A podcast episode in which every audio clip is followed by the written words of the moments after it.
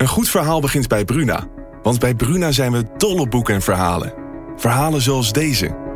De slagen van de noodklok dreunen over het dorp. Zwaar en dreigend. Ze overstemmen de gemoedelijke drukte op de markt. En alle handelingen vallen stil. Wat zou er aan de hand zijn? vraagt Oda ongerust. Wil jij weten hoe dit afloopt? Je leest het in Bloedlijn van Simone van der Vlucht. Nu bij Bruna. In een woning aan het Van Brakelplein in de stad heeft de politie vanmiddag het lijk gevonden van een jonge vrouw. Ze is vrijwel zeker door een misdrijf om het leven gekomen.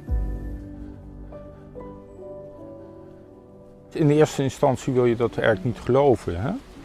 Ik heb zelfs nu nog vaak dat ik uh, iemand op straat zie lopen waarvan ik denk van nou dat zou Els geweest kunnen zijn. Wie vermoorde psychologe Els Slurink? Een jonge vrouw die aan het begin stond van een veelbelovende carrière. In de nacht van 20 op 21 maart 1997 wordt ze doodgestoken. In haar huis, aan het Van Brakelplein in Groningen.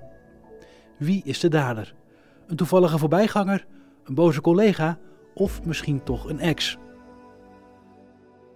22 jaar gingen voorbij, maar de zaak is nog altijd niet opgelost. Nou ja, dat is niet fijn. We lossen het liefst alles op. We, we willen graag de familie zeggen van zo is het gegaan en uh, zo is het gelopen en die persoon heeft het gedaan. Maar ja, dat, dat, dat kun je niet.